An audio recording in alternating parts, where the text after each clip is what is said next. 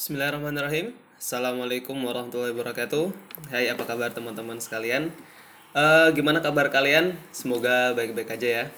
Jadi di podcast seri kedua ini saya ingin membahas eh, profesi apa saja sih yang ada di dunia IT. Ya ini menjawab pertanyaan eh, teman-teman ya. Eh, bagi yang bener-bener ini bener-bener maksudnya eh, terutama teman-teman apa kuliah ya eh, dia tuh bingung.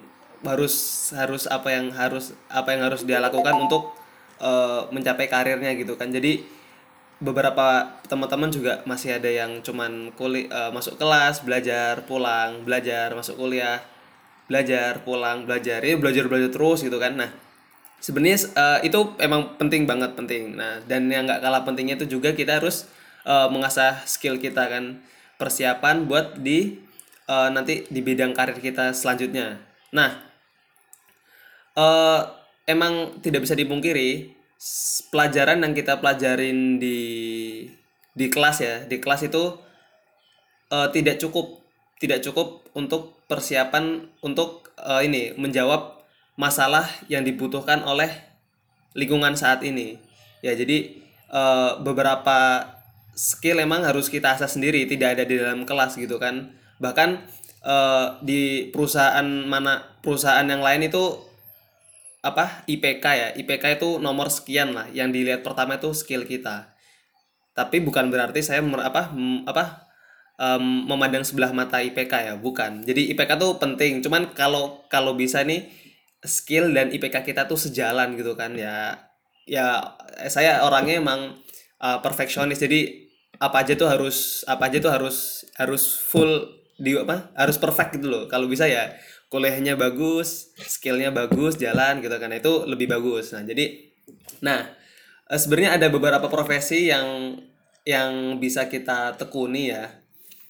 Nah, untuk saya pribadi yang akan saya bahas di sini adalah yang saya ketahui, yang saya eh, emang sudah berkecimpung dan akan berkecimpung di dalamnya, yang akan saya eksplor gitu kan. Nah, jadi saya udah secara nggak langsung eh, tahu lah, tahu apa, se- seenggaknya tahu da- eh, dalamnya, dalamnya profesi tersebut. Nah, sebenarnya sih ada ada banyak ada banyak profesi ya. Kalau saya rangkum sekitar ada 15-an lah ya banyak banget. Sebenarnya lebih dari itu buat IT itu sangatlah luas. Nah yang saya akan bahas ini sekitar eh se 5 apa 6 ya 5 apa 6 profesi yang saya tuh emang bener-bener tahu dan ada dan ada teman juga yang kerja di bidang itu. Jadi kan saya bisa bisa bisa nanya-nanya gitu kan jadi eh dan yang saya akan bahas ini itu berkaitan dengan dunia freelancing ya jadi eh, pekerjaan yang bisa dikerjakan tanpa kita harus kerja di kantor. Nah,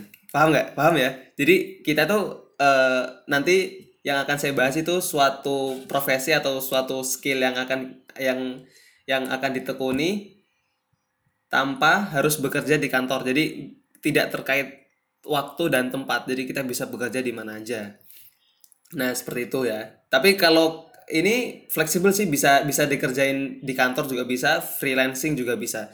Ah, maksudnya freelancing tuh kita tam eh, bekerja tanpa harus eh, duduk di kantor. Ya, karena saya orangnya emang suka eh, bekerja di mana pun gitu kan. Maksudnya tidak terpatok waktu ya. Kerja ya suka-suka suka. Kalau tip kan tip orang beda-beda ya. Kalau saya orangnya intinya project selesai, nggak harus nggak harus terpatok waktu gitu. Intinya selesai ya selesai udah selesai. Nah, seperti yang saya sekarang ini kan saya juga kuliah. Terus eh, saya juga ada beberapa project. Nah, itu saya ada agreement sama sama apa? Sama CEO saya. Jadi yaudah Mas, intinya eh, saya nggak mau dipatok waktu. Nanti intinya project yang yang Masnya kasih itu maunya selesai kapan nanti saya saya usahakan selesai dalam waktu itu. Ya kalau bisa sebelumnya udah udah selesai gitu kan. Nah seperti itu ya. Jadi yang akan saya bahas ini cuman sekitar 5 atau 4 atau 5 atau 6 nanti saya sebutkan deh beberapanya. Sisanya itu kan ada sekitar ada 15 nanti sisanya bakal saya sebutin list-listnya aja ya. Jadi kalau kalian eh kalau eh, sorry kalau teman-teman mau nyar mau searching di Google pun juga ada. Nah, bareng eh, mungkin kalian eh, teman-teman yang sedang mendengarkan sekarang tuh mungkin ini dia mager, ma- malas buat baca ya. Enak enaknya kan dengerin ya, dengerin sambil ngapain gitu kan tuh lebih enak emang. Oke, langsung langsung aja yang pertama ya. Yang pertama itu uh, dunia ini web develop web developer. Kita menjadi web developer. Nah, apa sih itu web developer? Ya seperti namanya, web developer. Jadi pengembang web. Nah, untuk uh, web developer ini uh, kita membuat suatu ini ya, suatu website. Suatu website yang utuh. Nah, dalam dunia web developer ini juga uh, dibagi dua sisi tuh. Dibagi sisi front end dan sisi back end seperti namanya front itu di depan dan back itu di belakang jadi front end itu semua hal yang berkaitan dengan user interface user experience kemudian uh, layouting dan dan segala macam. Yang yang berkaitan dengan user. Apa yang dilihat user di browser itu. Nah untuk back end itu semua yang berkaitan dengan database logical thinking kemudian apa peng, apa pengurusan data itu di back end dan user tidak bisa meli, apa tidak memperhatikan apa bukan tidak memperhatikan. Tidak tidak bisa melihat back end gitu kan nah, jadi yang user lihat itu front endnya kemudian nanti yang memproses data itu back endnya dan back end juga mengolah database gitu kan nah untuk uh, teknologi atau bahasa yang digunakan itu bermacam-macam ya. Kalau dulu standarnya sih paling standar itu ya HTML, CSS, JavaScript. Itu paling standar. Cuman di eh, di era sekarang uh, sudah banyak apa teknologi berkembang ya. Yaitu muncullah framework ya apa ada ada ada library untuk uh, mungkin ya bagi teman-teman yang sudah belajar dulu ada pernah belajar CSS, HTML, JavaScript. Nah, itu adalah uh, bahasa markup. HTML, CSS dan JavaScript itu bahasa bahasa bahasa pemrograman. Nah, e, dari pengembangan tersebut, nah dari bahasa-bahasa tadi ya ada bahasa markup, markup sama JavaScript. Tapi jangan dibilang HTML ini apa bahasa pemrograman ya, bukan HTML ini cuman apa e, markup language. Jadi e, nanti dari dasar tiga tadi tuh nanti ada pengembangan ya, namanya ada framework.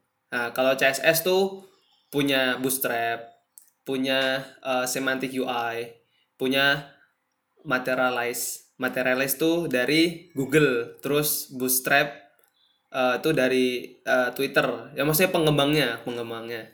Terus yang baru lagi, yang sekarang baru on, yang yang sekarang baru booming boomingnya itu ada Vue.js, React.js, Angular.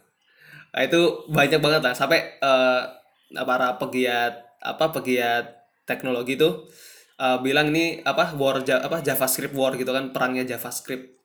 Jadi sekarang memang bener-bener JavaScript tuh kayak semua tools kalian mau bikin apa? Mau bikin website bikin aplikasi mobil tuh bisa pakai JavaScript tuh emang gila banget dah. Pengembangannya apa? Peningkatannya cepat gitu kan.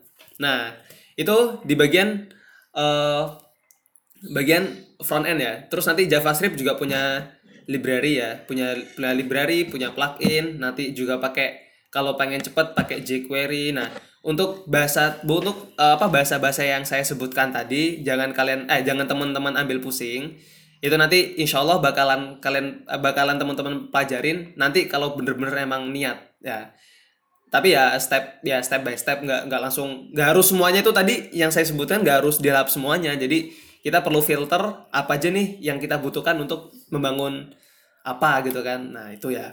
Itu di di front endnya ya tampilannya segala macam nah kemudian uh, apa ada kemudian yang kedua yaitu back end developer kita menjadi back end developer nah, back end developer nih yang saya bilang tadi ya mengolah data mengolah database terus logical thinkingnya gimana terus uh, logikanya Nah, itulah intinya uh, mengurus data-data yang user inputkan. Nah, seperti itu.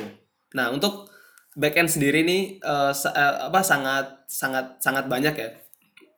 Sangat banyak bahasa yang bisa digunakan. Hampir hampir hampir mayoritas bahasa bisa digunakan PHP. Kemudian Python bisa. kemudian apa? Uh, ini Ruby eh Ruby on Rails tuh framework ya bahasanya itu saya lupa aku lupa intinya banyak lah ada PHP ada Python kemudian Java juga bisa. Nah untuk bahasa tadi pun juga itu punya framework juga. Framework tuh apa sih? Ah, nanti framework uh, mungkin di pembahasan selanjutnya ya.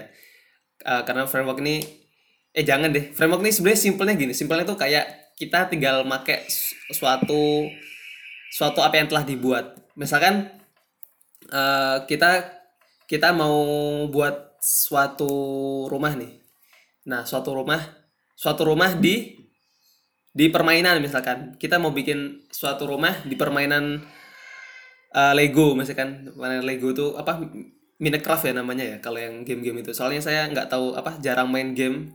Soalnya jadi nggak tahu nama game-game itu lah intinya gini kalau kita mau bikin rumah ya itu kan di di apa di gamenya tuh udah disiapkan bentuknya bentuk atapnya kayak kayak apa aja itu kan tipenya banyak ya. Terus temboknya tuh bentuk apa komponennya apa terbuat dari apa aja. Terus panjangnya berapa meter terus materialnya terbuat dari apa terus lantainya mau yang tipenya kayak apa. Kemudian uh, lebarnya berapa berapa nah itu framework itu udah ada yang nyediain. Kita tinggal make tinggal masang masang masang masang gitu loh. Ya singkatnya sih gitu tinggal masang masang masang. Tapi dalam implementasinya tidak tidak tidak semudah yang saya kata yang saya katakan tadi. Jadi perlu uh, penguasaan framework tersebut. Nah mungkin maaf ya jika apa apa saya ngomongnya agak-agak agak-agak belepotan kan. Nah jadi itu eh, penggambar apa penggambaran uh, untuk web developer ya. Nanti kalau ada yang masih bingung bisa ditanyakan. Kemudian yang kedua yaitu uh, mobile apps developer.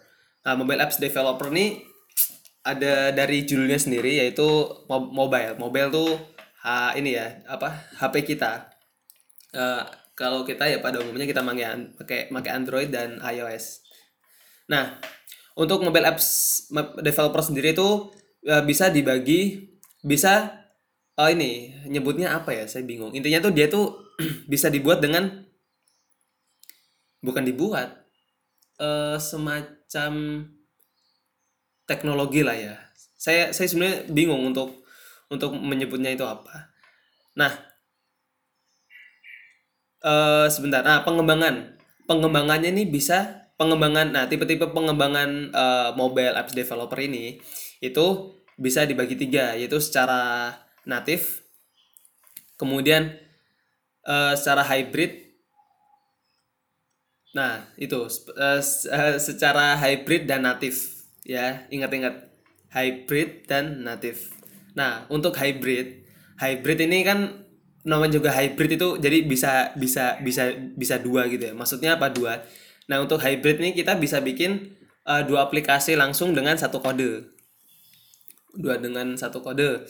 Uh, untuk hybrid ini uh, yang yang yang saya ketahui itu dibuat dengan apa? Bisa pakai React Native, Ionic, bisa pakai Xamarin atau na, na, atau native script. Uh, nah, apa itu yang saya sebutkan tadi? Yaitu jangan jangan diambil pusing. Nanti kalau kalian mau nyemplung di uh, jika teman-teman mau nyemplung di mobile apps developer, sorry itu nanti bakalan tahu lah nanti. Nah kemudian kita bisa kembangkan juga secara natif. Natif itu maksudnya murni. Nah untuk Android bahasa murninya itu Java. Nah, tapi sekarang ada juga Kotlin. Nah terus kalau yang, mau belajar duluan mana nih Java atau Kotlin? Nah berdasarkan forum-forum yang saya yang saya lihat kan di Quora di Stack Overflow ya, terus di forum-forum apa tanya jawab uh, di Indonesia itu juga menyarankan kalau mau nyemplung di apa di Android ya di Android murni ya. Itu kalian nyoba Java apa teman-teman nyoba Java dulu kemudian habis itu baru Kotlin. Itu bahasa yang digunakan untuk uh, untuk mendevelop aplikasi Android. Seperti itu. Kemudian databasenya apa Jack? Databasenya uh, bisa pakai SQLite bisa pakai Firebase dan dan lain-lain ya banyak ya. Tergantung nanti maunya kita apa. Cuman pada umumnya untuk Android itu pakai databasenya Firebase pada umumnya ya. Kemudian eh apa? Sorry iOS iOS. Tadi untuk Android kan kita memakai Java ya. Java, kemudian iOS kita menggunakan bahasa yang disebut Objective C. Ya. Objective C itu awal-awalnya kemudian uh, muncullah kemudian Swift. Jadi uh, untuk membuat iOS nih umumnya maksudnya uh, murninya itu menggunakan uh, Objective C atau Swift. Nah, untuk membuat iOS ya kita memerlukan uh, namanya kode edit kode editor namanya Xcode. Sedangkan Xcode sendiri itu cuman ada di Mac ya. nah, ini kendalanya kalau kita mau mendeveloping apa kalau mau develop iOS tuh kita perlu device yang yang wah karena Mac itu harganya ya kalian tahu sendiri apa teman-teman tahu sendiri lah Mac tuh harganya ya di atas rata-rata lah ya di atas rata-rata laptop pada umumnya nah itulah yang kalian menjadi kendala apa uh, kendala kita yang pengen belajar iOS tuh yaitu kendala di device-nya itu. Kecuali anak-anak kecuali anak-anak sultan ya. Kalau anak-anak sultan punya Mac OS kan nggak bisa ya. Kalau kalau dia punya kemauan tuh enak. Cuman kalau kita kan ya terbatas apalah terbatas laptop gitu kan. Terbatas laptop. Nah terus tadi balik lagi yang pertama yang hybrid tadi kan. Itu kan aku kalau aku bilang kan uh, bisa bikin dua aplikasi pakai pakai satu kode. Ya bisa pakai React Native uh, kalau pada perangnya sih kalau yang baru bersaing nih React Native sama Flutter uh, Flutter itu dikembangkan oleh oleh ini oleh Google kemudian React Native tuh dikembangkan oleh Facebook nah itu baru baru perang tuh maksudnya baru baru baru bersaing ketat. Nah, itu ya buat uh, mobile apps developer. Jadi kita uh, bisa banyak cara ya. Kalau kita mau belajar sekali tapi buat dua apps sekaligus bisa. Kalau kalian mau expert di satu uh, OS Android bisa, mau expert di satu OS seperti iOS bisa. Ya jadi tergantung kita nanti maunya maunya gimana gitu kan ngelihat peluang juga ya kalau aku kalau saya pribadi uh, nanti liburan ini mau ini apa apa ekspor Flutter kan jadi buat satu satu kode satu kita bikin satu base code kemudian dipakai bisa apa membuat dua aplikasi. Nah sebelumnya sebelum saya milih Flutter tuh juga apa banyak delimanya ya mau milih React Native atau mau milih Flutter. Nah setelah ditimba-timba dilihat-lihat kan ke depannya kayak kayak gimana ya saya memutuskan untuk memilih Flutter. Tapi uh, tidak apa bukannya saya merendahkan yang lain ya maksudnya bukan merendahkan React Native itu masing-masing ada kelebihan dan kekurangannya dan ada kekurangannya. Nah itu ya untuk mobile apps developer. Nah terus kemudian uh, yang saya ketahui lagi itu di UI UX designer. Nah UI UX designer nih lebih mengarah ke front endnya ya front end. Baik itu front endnya mobile apps entah uh, maupun eh baik front endnya web developer maupun di mobile apps developer. Ya jadi di mobile apps sama di web di web ini uh, apa mempunyai dua sisi juga sama. Tadi ada front end juga ada back end. Nah buat front endnya sendiri itu nanti banyak lah banyak banyak banyak sisi ya. Pertama kan kalau kita mau bikin ini kita ngomongin UX designer ya ini tapi masih masih ada sangkut pautnya sama front end yang tadi kalau yang saya sebutkan. Itu kan uh, kita perlu ini ya perlu membuat tampilan yang intinya yang eye catching gitu kan. Yang enak dipandang yang enak dipandang sama user. Nah untuk layoutnya sendiri itu uh, apa? Sebentar. Pada umumnya dan profesionalitasnya itu kan harusnya digarap sama desainer dulu sama desainer. Nanti jadi jadi desainnya kemudian dikasih ke ke front end itu. Dikasih ke programmer yang mengurus front end tadi ya front end developer namanya. Front end developer ada back end developer. Nah dikasih ke front end developer lah nanti bekerja sama mereka. Nah untuk UX sendiri UI UX designer sendiri nih kita mau ngomongin desainernya ya desainer. Lah itu apa namanya uh, banyak kok teman-teman kenalan saya itu yang dia tuh dulunya seorang programmer kemudian uh, beralih profesi ke UI, UX designer. Nah itu karena karena apa? Karena dia lebih menyukai visual dibanding logika. Itu nggak apa-apa. Dan kalau kita berbicara apa untuk salary ya itu ya nggak yang nggak yang nggak beda-beda jauh lah untuk UI designer sama sama front developer. Nah uh, UX designer ini bekerja sama tadi ya, bekerja sama sama front developer. Nah kemudian uh, terus tools yang digunakan desainer tuh apa sih, Zak? Nah, tools yang digunakan untuk untuk untuk untuk mendesain aplikasi ya.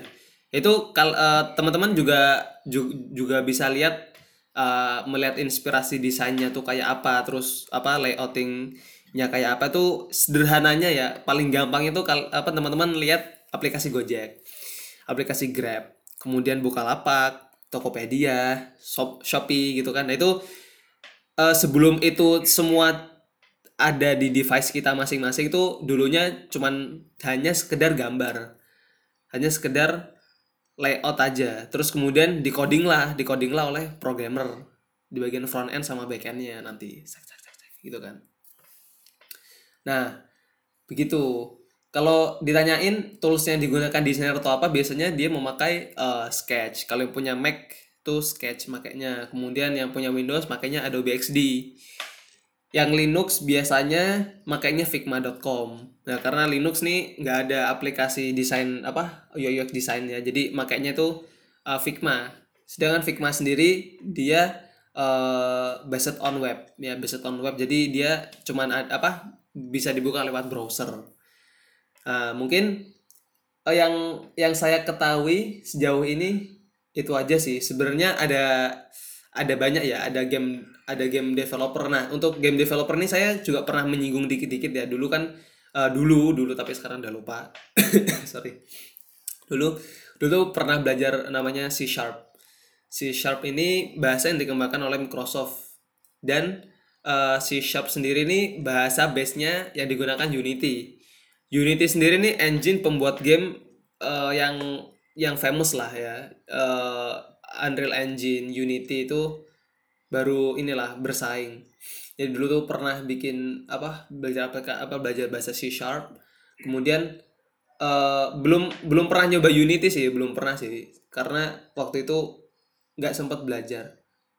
Ya tadi ada game tadi yang kalau yang belum saya sebutkan ada game game game developer dan game designer ada database administrator ada security engineering ada sistem analis, ada nanti ada big data, kemudian ada apa ada hardware engineer, ada pen tester, ada bug hunter, ada instruktur IT, ada sistem administrator, ada network engineer, ada sistem support dan lain-lain. Banyak lah sebenarnya. Nah, untuk yang saya detailkan tadi di awal-awal ya yaitu web developer, mobile apps developer dan uh, eh, UI UX designer. Nah ternyata cuman cuma tiga kalau yang saya sebutkan tadi kan ya. Nah, tapi nggak apa-apa. Itu uh, yang itu yang baru saya ketahuin pekerjaan IT yang bisa dikerjakan secara freelance ya.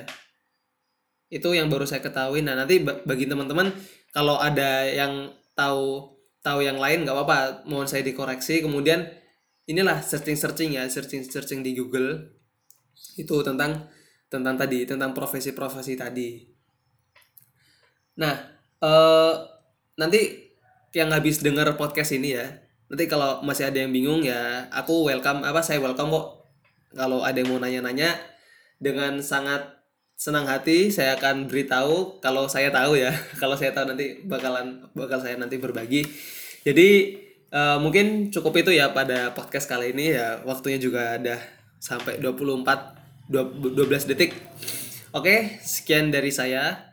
Oh ya, sorry sorry. Sebelum menutup, uh, ini ya saya apa saya kasih disclaimer lagi. Saya bukanlah seorang yang expert di bidang ini. Saya hanyalah seorang apa uh, junior. Saya cuman seorang junior developer aja yang ingin membagikan uh, pengalaman gitu kan uh, saya tipenya tidak kan ada orang tuh yang ya dia tuh nunggu expert baru sharing kan ada. Terus ada orang yang nyicil nyicil nyicil baru jalan gini ada yang langsung sharing sharing dikit dikit dikit dikit gitu kan. Nah itu saya tipenya gitu. Saya apa uh, nanti siapa tahu kan saya meninggal kan nggak ada yang tahu. Nanti il- apa eh, pengetahuan yang saya ketahuin ya walaupun remeh sih sebenarnya sih pengetahuan cuman sekedar base knowledge kayak kalau kayak gini. Tapi kan siapa tahu teman-teman butuh gitu kan. Nah oke Eh, terima kasih telah mendengarkan podcast saya kali ini. Jika ada salah kata seperti yang saya bilang di perkenalan ini tanpa editing sama sekali. Sekian dari saya. Wassalamualaikum warahmatullahi wabarakatuh.